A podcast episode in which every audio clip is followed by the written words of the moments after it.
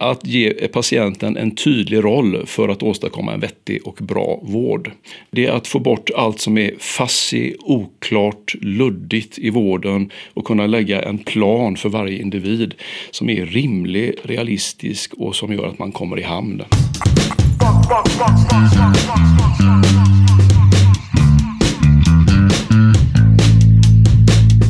Hej, här är Akademilivs podcast igen. Eh, jag heter Elin och jag är här med min kollega Pontus. Hej hej! Och eh, vi har en gäst här idag. Det är Erik Karlström. Du är professor i vårdvetenskap med inriktning mot ledarskap och vårdorganisation. Mm, jättekul att få vara här. Det uppskattar jag verkligen. Mm. Du är um, ambulanssjuksköterska från början. Stämmer det. Jag är mm. specialistutbildad ambulans och har kört mm. ambulans i totalt eh, 32 år. Mm. Från och till i och för sig. Inte heltid den perioden men jag, jag har faktiskt tänkt i med ambulansen i 32 år. Ja. Och det här med, med ambulanser och, och eh, poliser och alltså blåljusmyndigheternas eh, förmåga att samordna sig i samband med en kris. Det är ett spår i din, ett i din spår. forskning. Jag älskar ju blåljus. Det är ju, mm. det är ju precis som med mina barnbarn. De älskar också blåljus. Jag är precis i samma läge som dem. Jag tycker det är jätte, jättekul eh, och en förmån att få hålla på med den forskningen. Mm. Verkligen. Mm. Just den forskningen ska vi inte gå in så mycket på idag var, tänkte vi. Det var ju synd. Ja, men ditt andra spår, den som handlar om eh, vårdorganisation. Ja, ja absolut. Mm. Mm. Det, det, är lite torrare än så. Ja, Kanske inte något för barnbarnen. Nej, precis. Jag, jag, pratar gärna, jag pratar gärna om detta också. Det är ingen tvekan om det. Det är också viktigt, absolut. Den här, den här kombinationen som du har, alltså att du är ambulanssjuksköterska och intresserad av organisation. Mm. Det låter ju ganska ovanligt. Det är en lång historia. Hur lång tid har vi på oss? Här? Ja, håll det kort. ja, eh, eh, då är det så här att jag jobbade som chef många år i, i sjukvården. Så jag jobbade som områdeschef och enhetschef och hade olika roller. Eh, och eh, medicinskt ansvarig sjuksköterska i en kommun rätt många år också. Och det gjorde att jag blev lite, lite intresserad utav hur får man eh, många människor att, eh, att eh, springa åt samma håll och skapa något gemensamt som fungerar väl. Och, och det stöd vi hade som chefer det var ganska mycket konsulter ingen skugga över konsulter. För, för, för, många gjorde en bra insats men jag tyckte att, att väldigt lite evidens pekade man på. Det fanns ganska lite forskning som användes just för oss praktiker ute i verksamheten. Och jag kände att, att, eh, att vad som behövdes var mer pragmatisk forskning eh, vad det gäller organisation och, eh, och offentliga verksamheter. Det, det var min, min, min ingång i det här. Så att medan jag jobbade som chef så började jag läsa på Förvaltningshögskolan och på Handels. Och sen disputerar jag i, i offentlig förvaltning med företagsekonomisk inriktning. Mm. Så att det, det och, och, och framförallt organisationsteori har varit mitt, mitt, stora intresse. Utöver att köra ambulans. Mm. Mm. Men, och då fortsatte du jobba samtidigt? Eh, ja, jag jobbade helt, heltid som chef och så uh, åkte jag ner med en härlig fart på kvällarna och körde kvällskurser mm. i Göteborg. Och då bodde jag uppe i Bohuslän i många, många år mm. i samband med detta. Så att eh, jag rullade på med det i jättemånga år. Tills jag skrev in mig som doktorand och då höll det inte längre. Utan då fick jag faktiskt ägna mig åt att bara köra ambulans. Då, då sa jag upp mig från mitt chefsjobb. Eh, jag körde två dygn i veckan. Eh, eh, nej, ja, ungefär två dygn i veckan körde jag. Och så ägnade jag mig åt, åt forskare, forskarutbildningen. Mm. Och så disputerade jag 2005 sen. Så, mm. så det är väl eh, väldigt kort den historien. Mm. Och den här kunskapen som du har om eh, organisationskulturer och organisations eh, eh, eller ja, förändringar och genomförandet av förändringar inom vården. Den är ju väldigt aktuell nu för att vården står ju inför en väldigt stor, mm. nästan revolutionerande förändring. Det handlar om personcentrerad vård. Ja, just det. Jo, det har verkligen blivit ett buzzword mm. i, när vi pratar om uh, offentliga vårdmiljöer. Alltså, alla pratar om personcentrerad vård. Eh, det, det är rätt spännande. Och väldigt många olika föreställningar om personcentrerad vård också. Men, mm. men det har, har blivit en, en sånt här begrepp som, som har fått väldigt stort inflytande på, på breda grupper utav managementfolk som håller på med, med vård. Alltså. Kan inte du hjälpa oss att få en, liksom en, en, en tydlig bild av vad det är för någonting? Alltså om du vill försöka liksom sammanfatta det kort, vad är personcentrerad vård? Ja, vi som, vi som forskar i det här, vi jobbar fortfarande med den frågan. Så att jag måste vara lite ödmjuk här. Men, men Eh, vad kan man säga? Det är att ge patienten en tydlig roll för att åstadkomma en vettig och bra vård. Eh, det är att få bort allt som är fassig, oklart, luddigt i vården och kunna lägga en plan för varje individ som är rimlig, realistisk och som gör att man kommer i hamn. Alltså från ax till limpa. Från det att man exempelvis på sjukhuset kommer in med, med sin problematik tills man är klar och skrivs ut. Mm. Och då ska man eh, ha gjort jobbet så grundligt från dag ett tillsammans med patienten så att man kan följa den här, den här planen sen i tanken. Mm. En, en, av grundhypoteserna är då att, att det är osäkerhet och bristande tillit som gör att folk ofta ligger kvar eller blir utskrivna för tid. Alltså att saker och ting inte blir bra eller blir fel. Va? Mm. Eh, så, så, att, det är, att grundidén är busenkel, tydliggöra. Mm. Och så få med alla på spåret, i synnerhet patienten. Mm. Och här vid Göteborgs universitet så har vi ju faktiskt eh, något av Sveriges största expertis när det gäller personcentrerad vård eh, forskningsmässigt genom GPCC, Centrum för personcentrerad Ja, Gothenburg Person Centered Care har mm. verkligen satt sig på världskartan, mm. vilket är imponerande. Mm. Eh, och eh, det, har, alltså det, är ett, ett, eh, det kokar utav studier och vi har verkligen fått fram mycket evidens som talar för personcentrerad vård. Det är ingen tvekan om det. Och det är inte längre ett eh, eh vad ska jag säga, eh, någon typ av idealiserad idé. Utan det är verkligen någonting som, som kan förändra och som kan utveckla. Mm. Det, det är väldigt svårt att backa för det när man tittar på forskningen, den forskning som finns. Och det är ju väldigt många, både kommuner och landsting, som är väldigt intresserade av att försöka införa ett mer personcentrerat förhållningssätt i, i sin organisation. Absolut, och man gör det på olika grunder. Mm. En del ser då att det ska kunna bli kortare vårdtider, vill säga att det kanske inte blir det överallt. I en del studier så, så ser vi det. Eh, eh, eh och vi säger att det huvudsaken är att det blir mer rätt och mer tydligt. Eh, eh, det, eh, andra ser en, en, möjlighet att vi skulle kunna eh, slippa eh, att hamna i läget av så kallad undvikbar slutenvård. Alltså att, eh, att, att man inte hamnar på sjukhus på grund av eh, bristande organisation eller oförmåga att fatta kloka beslut eller samla en grupp av kloka människor som, som tar ett beslut innan, innan eh, Agda eller Axel åker till sjukhuset exempelvis. Eh, Medan andra ser att, att det här innebär då eh, alltså framförallt patientorganisationer ser att det här innebär då att man är delaktig på ett helt annat sätt.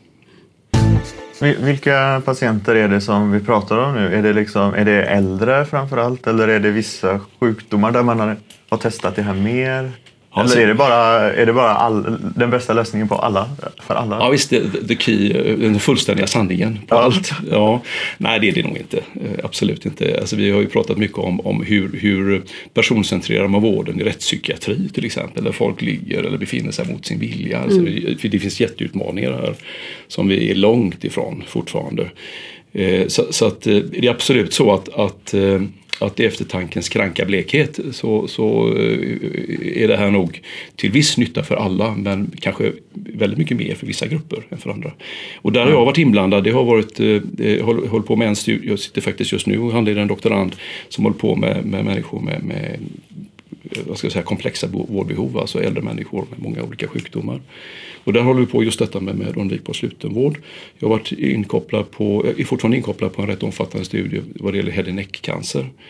Eh, som har varit väldigt spännande. Eh, och den första artikeln vi skrev handlade om om eh, patienter som blir utskrivna ifrån, eh, eh, ifrån enheten där. Då var de färdigbehandlade. Men behövde fortfarande ett visst stöd naturligtvis, stod på mediciner och så här.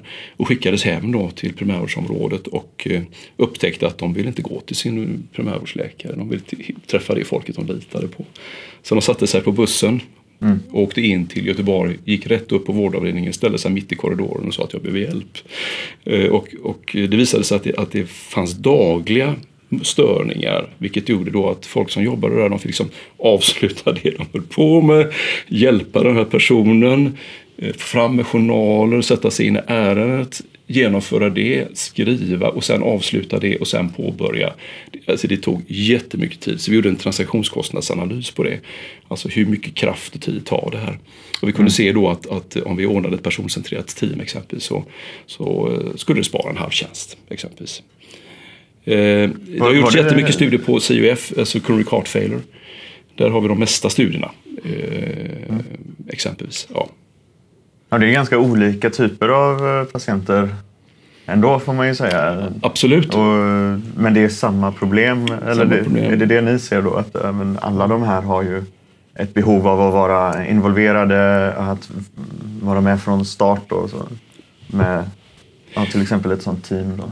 De tidigaste studierna som gjordes här i Göteborg det var de som Lars-Erik Olsson och eh, Inger Ekman gjorde på ortopedin. Som talar sitt tydliga språk där man har faktiskt med personcentrerad vård halverade antalet vårddagar. Och det gjorde man till följd av mer självkänsla, tillit och att vara delaktig. Det är spännande. Eh, och, och skulle man då liksom dra ut konsekvenserna av det. Tänk att vi lyckades Tänk om vi lyckades att halvera vårddagarna på en fjärdedel av alla höftfrakturpatienter i Sverige. Eh, Så är vi en, en bra bit på väg. Då pratar vi en kvarts miljard i så fall. Nu finns det många variabler som skulle kunna störa ut delar av den, den enkla ekvationen. Men ändå, Det finns mycket mänskliga värden också i det Ja, att kunna precis. halvera vårdtiden. absolut. Eh, ja. Så, så, att, eh, så att den här väldigt enkla grundidén har en väldig potential egentligen. Och, eh, Ehm, ja, spännande. Va- va- Vad är det som eh, vårdorganisationerna står inför nu då? De har viljan att, att eh, försöka arbeta mera personcentrerat. De har de här enorma organisationerna som, som av tradition har ett visst arbetssätt och sådär. Vad är, det, vad är det som krävs egentligen för att man ska kunna göra en sån genomgripande förändring? Ja, det, det första är nog en insikt om, om eh, vad det här handlar om. Eh, Att skapa rätt instrument. För att det, det, det är inte samma verktygslåda för varje typ av patientgrupp eller klinik. Idén i grunden är densamma. Men, men sen behöver man ha verktyg för att kunna, kunna genomföra detta, för att jobba med det strukturerat. Och då är det olika om det är eh, rättspsyk eller om det är äldre patienter eller om det är Precis, cancerpatient. ortopedi, kirurgi, alltså vad du än är, så, så, i kommunal eh, kontext eller sjukhuskontext eller primärvård. Så. Så för, för alla dem så kommer det personcentrerad vård kommer de säga och så, fast det kommer mena, de kommer mena olika saker egentligen. De kommer mena olika... Jag kommer i alla fall, i alla fall att genomföra det med hjälp av olika verktyg. Ja, Så, så är det. Och, och verktygen är absolut inte utvecklade. De är utvecklade på vissa områden. Men, men, men absolut inte andra. Så här är mycket att göra fortfarande. Eh, eh, en annan grundförutsättning är det att, att släppa det här att, att personcentrerad vård skulle vara en, en pelargonia i fönstret. Va? Och leende människor i omgivningarna. Det finns alltså en naiv föreställning runt det här. Eh, Så när vi talar med folk att, eh, om personcentrerad vård så, så får vi ett överseende leende där man säger att ja, det har vi ju jobbat med i alla år. Genom att vi är informativa exempelvis och så vidare. Någon sorts allmän så här human approach då. Som, Det, det tror man. Ja. Det tror man alltså på något sätt. Eh, Och, och på något sätt så har vi också pratat om information. eh, Och, och pekat på värdet av information i åratal. Men det är inte säkert att informationen tas emot. Alltså det är en väldig skillnad på delaktighet och information. Och man känner sig väldigt human när man informerar och berättar om saker och ting. Men, men det är inte säkert att man har med eh, patienten på tåget. Det, det är faktiskt så. Eh, utan det här är en strukturerad sätt att arbeta. Eh, det är ett sätt att eh, skapa ett sorts kontrakt med patienten. Ett sätt att följa en timeline som är rimlig för varje individ. Det, det, det handlar inte om att, att, att, att det, alltså det, det, det ska inte vara någon, någon, någon luddig gränslös modell utan snarare en gränssättande. Där patienten är delaktig i att sätta de här gränserna. Så, så att man följer, följer planen. Ja, mm det är tanken. men var det sådana här den typen av problem som du såg när du själv jobbade då som eh, chef i olika organisationer? Eh, ja, abs- absolut. Känner Eh, du igen de här problemen? Ja, i, I synnerhet eh, som ambulanssjuksköterska så känner jag igen det. Ehm, eh, i ett, i ett av de doktorandprojekt jag håller på med så tittar vi på hur eh, exempelvis när, när vi skriver ut en människa från sjukhuset eh, och, och vi har eh, eh, anmält personen medicinskt färdigbehandlad så gör vi oftast vad vi kan för att få till en bra vårdplanering. Eh, oftast samlar man anhöriga, man samlar representanter från kommunen, om det är möjligt från primärvården och tillsammans med patienten så har man en plan för, för utskrivningen så att det ska kunna fungera. Åtminstone i den bästa av världar är det på det sättet. Men tvärtom då eh, eh, så eh, kan vi se att man ofta ganska förhastat lyfter på luren och ringer efter en ambulans och så transporterar man in någon, någon person rätt upp och ner. Alltså bo, båda de här funktionerna borde finnas i båda ändar så att säga. Så det, det blev väldigt tydligt. Eh, speciellt när man var ute i kommunerna, eh, var hos någon multisjuk äldre person. Eh, där fanns något vårdbiträde exempelvis som, som skötte om den här personen. Eh, vi som ambulanspersonal ställde frågor om att kanske man kunde stärka situationen här i bostaden på olika sätt. Eh, vårdbiträdet ringde sjuksköterskan som inte hade tid och det slutade då med ändå en resa in. Som vi många gånger i ambulansen kände så var fullständigt onödig egentligen. Och mm. inte gynnade den här personen, inte gynnade systemet, ingenting överhuvudtaget. Mm. Blev, ambulansen blev lösningen på någonting som man hade kunnat förebygga genom att sätta sig ner och prata tillsammans, planera tillsammans och se till att rätt personer gick att kontakta. Helt klart. Ja. Så, så, så. Och likadant när jag jobbat inne på sjukhusen så har man ju sett problematiken då när man har medicinskt färdigbehandlat en person som ändå blir liggande väldigt lång tid. Och det kan ha berott på två saker. Dels att den här personen har bitit sig fast av ren osäkerhet inte vågat eh, ta sig hem. Men det kan också vara så att, att, eh, att man från kommunens sida eh, inte har varit riktigt på hugget att ställa upp här. Man har föredragit att betala den här avgiften exempelvis. Snarare än att skapa förutsättningarna för, för den här personen att kunna komma till hemkommunen. Så det här är en dragkamp som är rätt besvärlig. Jag tror att personcentrerad vård kan vara ett sätt att komma åtminstone närmare den här lösningen mm. än vad vi har varit hittills. Mm. Om vi då har en huvudman som är införstådd i vad det faktiskt innebär med personcentrerad vård och som är inne på att, eh, på att införa detta. Mm. Vilka andra bekymmer kan man stå inför som, som eh, organisation när man ska genomföra en sån här förändring? Ja, det, det är absolut. Eh, jag, jag har forskat en del på organisationskulturer i hälso och sjukvård och jag kan se då att, att på vissa enheter så är man väldigt förändringsvillig, öppen för nya idéer, tycker det är spännande och man bjuder upp den extra ork som finns mitt i vardagen för att eh, prova olika lösningar. Medan på andra enheter så, så är det tvärstopp. Det är fullständigt ointresse av att prova någonting annat. Mm. Man har hamnat i ett hjulspår, man är konservativa, tillbakablickande, repetitiva i sitt sätt att arbeta och gör samma om och om igen. Alltså det är väldigt olika. Mm. Och det kan vara avdelningar och enheter som sysslar med precis samma sak inom en klinik. Men när man går igenom de här avdelningarna och hälsar på folk så är det som att gå igenom varmt och kallt vatten.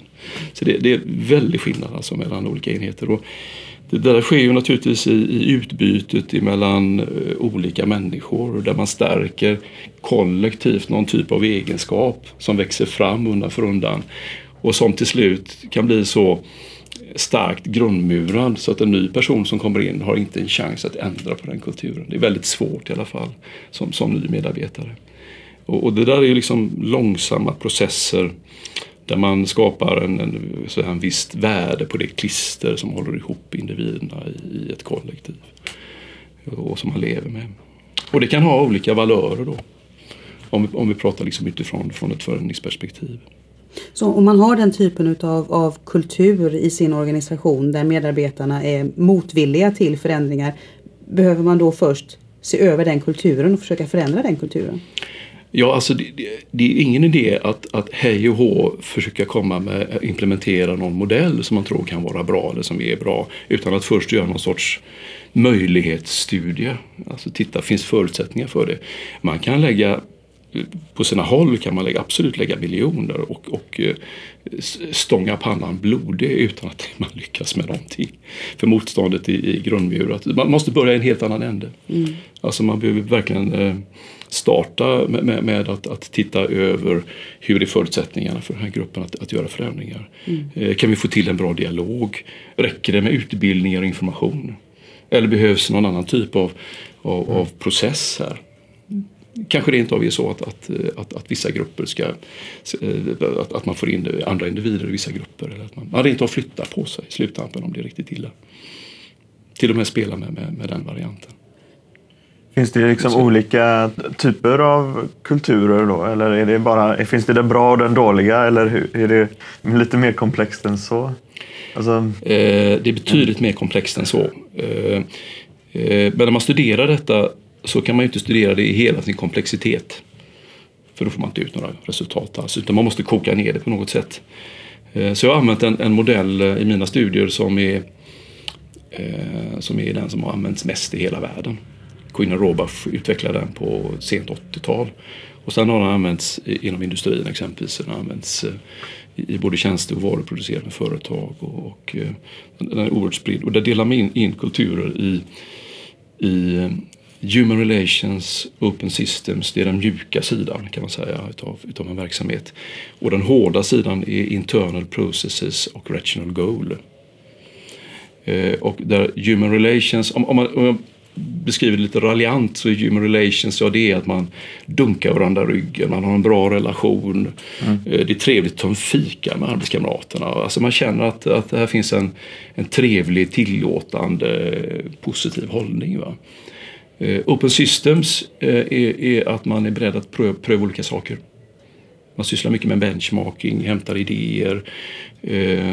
Där kan finnas en chef som säger prova det, testa, det är inte farligt. Vi ser vad det blir av det här.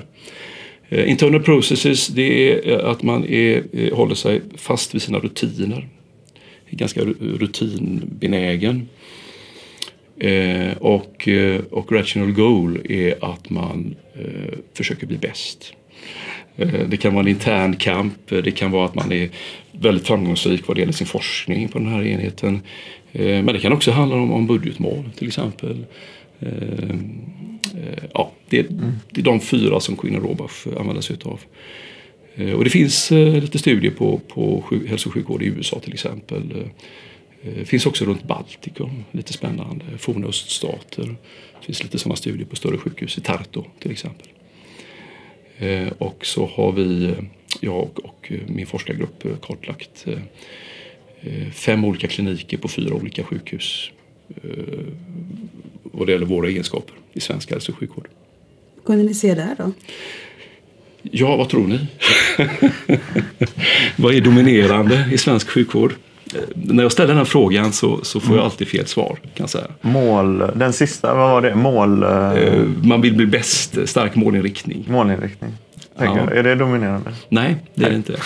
eh, och, men, men, och de flesta föreslår inte den utan de föreslår faktiskt internal processes. Att vi är starkt rutinbundna, det har vi någon sorts självbild utav. Eh, så är det inte. Eh, eh stark målinriktning kan vi se eh, på, på de amerikanska studier som har gjorts. Mm. Och det kanske inte är så konstigt för, för där är, är hälso och sjukvård kanske mer av en affärsidé mm. än vad det är i Sverige. Mm. Så det är rätt naturligt. Eh, tittar vi på, på Tarto så hade de faktiskt en hög grad av rational goal vilket är lite förvånande. Men också en väldigt hög grad av internal processes. Alltså rutiner, rutinbundenhet. Eh, och de flesta här svarar att jo, det är nog IP, internal processes och rutiner som är, som är, som är dominerande. Eh, Medan det faktiskt är human relations. Vi är uppenbart väldigt schyssta emot varandra, försöker skapa trevliga miljöer och, och, och eh, det, det, är klart dominerande. Det är klart. Finns det en professionell sida av det? Eller för då tänker man ju på fikaraster och att man frågar varandra liksom, hur var det i helgen och sådär. Men vad är, vad är, finns det liksom en... Finns det, hur, hur ser det ut när det pågår i själva arbetet? Alltså mellan två ja. sjuksköterskor eller? Eh. Jo, jo man, man, kan nog se bra samförstånd. Eh, väldigt fint samförstånd. Även över professioner, professionsgränser. Mm. Eh, många Så. talar om, om, om hur, hur, man samarbetar mellan sjuksköterskor, läkare, sjukgymnaster och arbetsterapeuter. Och man får säga att det är genomgående ett gott samarbete. Alltså, och, och det har också stärkts över tid. Eh, många har en, en, föreställning om det här som ligger en bra tid tillbaka men det har absolut förändrats. Vi har en hög grad av human relations där, vi eh, hittar konsensuslösningar för hur vi ska arbeta. Och att man eh, kanske överhuvudtaget har kontakt då, mellan olika professioner. Absolut. och säger liksom att det här hänvisar patienter till, mm. till en sjukgymnast eller fysioterapeut. Absolut. Ja. Men om vi ska återgå till förändring, till, mm. till att införa personcentrerad vård. Så, så vad som också ligger högt i Sverige det är Open Systems. Så de två mjuka värdena är väldigt starka. Och det innebär att vi har hög grad av förändringsbenägenhet i Sverige. Det låter ju bra. Ja, det låter väldigt bra. Mm. Trots att vi har en offentligt finansierad och offentligt driven vård. Mm. Offentligt, eh, så, så, har vi det. Varför, varför trots? Därför att, att när vi pratar om offentliga verksamheter så är de kända för att vara eh, tunga, eh, oceangående fartyg som är väldigt svåra att vända. Mm. Det, det, är den genomgående uppfattningen man har. Eh, Då är det rutiner och... Eh, väldigt rutinbundna och det ja. gäller både skandinavisk forskning och från Storbritannien. Där vi har Beveridge, ett hälso och sjukvårdssystem som kallas Beveridge med, med offentligt finansierad, offentligt driven vård. Men, men eh, eh våra studier visar faktiskt till stora delar på motsatsen. Att vi, åtminstone som, som personer och grupper på avdelningar, är vi öppna för förändring. Mm. Eh, eh däremot så ligger vi ganska lågt på eh, IP som vi trodde, som en del trodde att det låg väldigt högt. Va? Internal processes. Eh, eh, och vad vi önskar oss är mer struktur i verksamheten. Mer ordning och reda. Och det, det låter ju som att personcentrerad vård skulle kunna bidra till det också, för det är ju ett väldigt strukturerat arbetssätt. Ja, jag tror det alltså. Mm. Eh, så, så, att jag, jag, tror att personcentrerad vård på ett positivt sätt skulle kunna bidra till en starkare IP. De som har forskat på det här, de säger att att de som lyckas bäst i sina verksamheter, oavsett om det är varuproducerande eller tjänsteproducerande verksamheter, det är de som lyckas hålla motstridiga värden i luften. De som får ungefär lika mycket utav human relations, open systems, internal processes och rational goal. Alltså mm. ha samma nivåer på det här. Och det är väldigt svårt. Alltså det är mycket lättare att vara antingen ganska lös i kanten, glad, eh, uppsluppen men det finns ingen linje i verksamheten. Eller också att vara väldigt rutinbunden, ordning och reda och här följer vi regler. Mm. Och nu har du gjort det, sen gör jag det och sen gör du det och så vidare. Mm. Eh, så, så, att, så att vi har, vi, det är lättare att ha en tendens att glida iväg åt någon av ytterligheterna. Men att hålla båda de här värdena i luften, eh, det är utmaningen. Och vi har också kunnat se det i våra studier. Vi har hittat enheter, vårdavdelningar som har haft alla de här egenskaperna. Och sen när vi följt upp detta så har vi sett att, att det har varit enheter som har gjort väldigt goda resultat. Och det har också rått en väldigt bra, bra, vad ska jag säga, bra kultur på de här enheterna. Alltså. Vad är ett bra resultat då? Är det att de eh, förändras liksom fram, de är framgångsrika i sin förändring? Det är en bra fråga. Eller är det att de är personcentrerade? Eller vad är det man har studerat? Jo, så här är det. De som har en dominans av de mjuka värdena, de kanske är förändringsvilliga att testa nya saker, men de lyckas inte upprätthålla förändringen. Det går ett tag, sen faller man tillbaka igen i det gamla beteendet. Sen är allt som vanligt efter en period. Mm. Lite generaliserande. Mm. Medan eh, om, om, man har en hög grad av de mer, mer, hårda egenskaperna, internal processes, rational goal, då är det väldigt svårt att införa någonting. Alltså de färdiga, klara rutinerna ligger som ett hinder för de nya idéerna. Mm. Och det finns inte en chans att komma in med någonting nytt som skulle kunna bidra till någon, någon förbättring. Utan det behövs en kombination av de här två. Alltså dels att man är, är öppen, men naturligtvis också till viss del skeptisk. Men också öppen för om det kommer någonting nytt. Och är det tillräckligt attraktivt att man tror på det så provar man det. Och har det då god effekt så bibehåller man det. Och då krävs det båda, alltså båda ytterligheter utav de här olika egenskaperna. Mm. Och det är svårt. Det är få som når dit än. Eh, vi kanske gör det som individer men i kollektiv så är det, är det alltså väldigt svårt att, att, att komma dit. Här. Tror du framtiden ser ut här eh, när det gäller personcentrerad vård i Sverige? Tror du vi har eh, goda möjligheter att faktiskt att det här kommer få ett rejält genomslag inom svensk vård? Ja, jag måste tro det. Absolut. Eh, tittar man på en del eh, utav de flugor som har varit tillbaka i tiden. Så vi har ju, vi har ju en tendens att anta olika managementflugor. Eh, balance scorecard har vi haft under en lång tid exempelvis. På många håll så är det redan på väg tillbaka. Vi har haft, vad ska jag säga, Business Project Reengineering hade vi på 80-talet. Som var en fluga som försvann så småningom. Eh, vi har eh, Purchaser Provider Split, alltså det här med, med, med eh, beställare utförorganisationer. Eh, finns kvar här i Västra Götaland och fungerar aktivt men på en del håll så, så backade det igen och försvann. Och de här flugorna eh, har varit, eh, varit modeller som har kommit via forskare, Kaplan till exempel. Eh, och sen så har det överlevt ungefär 10 år, 15 år och sen så går det tillbaka. Eh, eh, en sån där som, som många betraktar som fluga, det var team. Alltså, på, på slutet på 80-talet så började vi bilda team. Det har överlevt. Mm. Och det verkar inte finnas någon bortre ände på det heller. Fortsätter, alltså vi pratade om själv, självstyrande grupper och så tidigare i, i vården. Eh, Och innan har vi haft ronsystem och alla möjliga sådana modeller. Men, men team har faktiskt överlevt. Och team är ju också på något sätt en vit- vital del av personcentrerad vård. Absolut. Det kan hända att man bygger ett, ett team runt och tillsammans med patienten. Du har läst på. Ja, Ja, det är bra. Eh, eh, jag, jag får ju tro att personcentrerad vård skulle kunna också vara en av de överlevarna. Det finns som, så pass många kvaliteter och styrkor i det. Så att det skulle mycket väl kunna finnas kvar framigenom. Men det är lika svårt att säga som eh, Berlinmurens fall 19, före 1989. Men om man Det här kan man inte tänker... veta. Men, eh, Ja. ja. Men organisationsmäss eller kultur, om man ser på organisationskultur och så då och hur man organiserar sig. Är det, är det bara nya idéer i personcentrerad vård eller lånar ni, alltså som det här med team då, tar ni en del av de gamla idéerna och eh, eh, försöker att liksom göra det till ett nytt arbetssätt? Eller hur, Ja, alltså, eh, eh, hur mycket är det bara någonting eh, nytt? Nej, alltså det är ju äh, allt vi ser här i världen är ju en kombination utav tidigare kända företeelser. Jag vet inte, kan du peka ut någonting som är fullständigt nytt i våra omgivningar och de fenomen vi ser?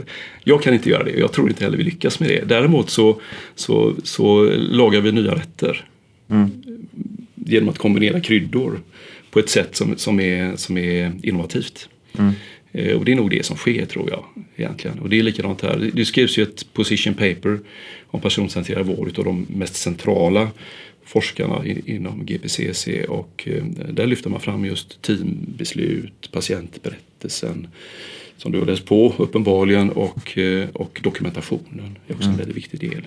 Och det, de tre grundstenarna i kombination då, på olika sätt eh, är, är väl det vi just nu betraktar som, som personcentrerad vård. Och då är det inte någon som bara har suttit och tänkt på sitt rum att det här skulle nog vara en bra idé. Utan då har man tagit de tre för att man har sett att det här visade sig faktiskt vara bra byggstenar. Ja, Alltså, eh, man har lite evidens då för det. Att, ja, men, varför ska vi Precis. arbeta med just de här byggstenarna? Nej, alltså, eh, man kan göra det på olika sätt. Man kan skriva ett konceptuellt papper eh, eh, utifrån eh, vad man har gjort vid skrivbordet. Eller också kan man skriva ett konceptuellt papper utifrån vad man har sett i, i, i verkligheten. Men i det här fallet var det i verkligheten för det kom inte omedelbart i pappret. Det var alltså ingen sån eh, eh, inåtvänd eh, forskning utan det var mer en utåtriktad eh, empirinära forskning. Så att det är nog så. Det är ju lovande. Ja, absolut. Det är väl så det, det, känns som den bästa vägen. Ja, ja, ja visst absolut. Vi, vi, det, vi kan inte hemfalla åt pessimism utan vi får nog eh, se, se möjligheter att utveckla saker och ting och, och få- fånga de som finns. Och ett av de starka korten just nu är absolut personcentrerad vård. Erik Karlström, vad trevligt det var att du kom hit till vår eh, podcast. Och vi ska säga det också att du som lyssnar, om du är intresserad av att höra mer om personcentrerad vård så har vi ju faktiskt gjort en annan podcast med Inger Ekman eh, som finns med i den här serien. Så att, eh, lyssna gärna på den också. Ja, Tack så mycket. Och vill du kontakta oss, akademiliv gu.se eh, och vill du hitta fler podcastar Då gör man det på eh, Soundcloud eller på iTunes eller på andra ställen där man laddar ner podcast. Och vi heter ju Akademiliv. Och man kan också leta upp oss på Facebook och Twitter där vi heter Sahlgrenska Akademin. Hej då! Hej då! Hej då!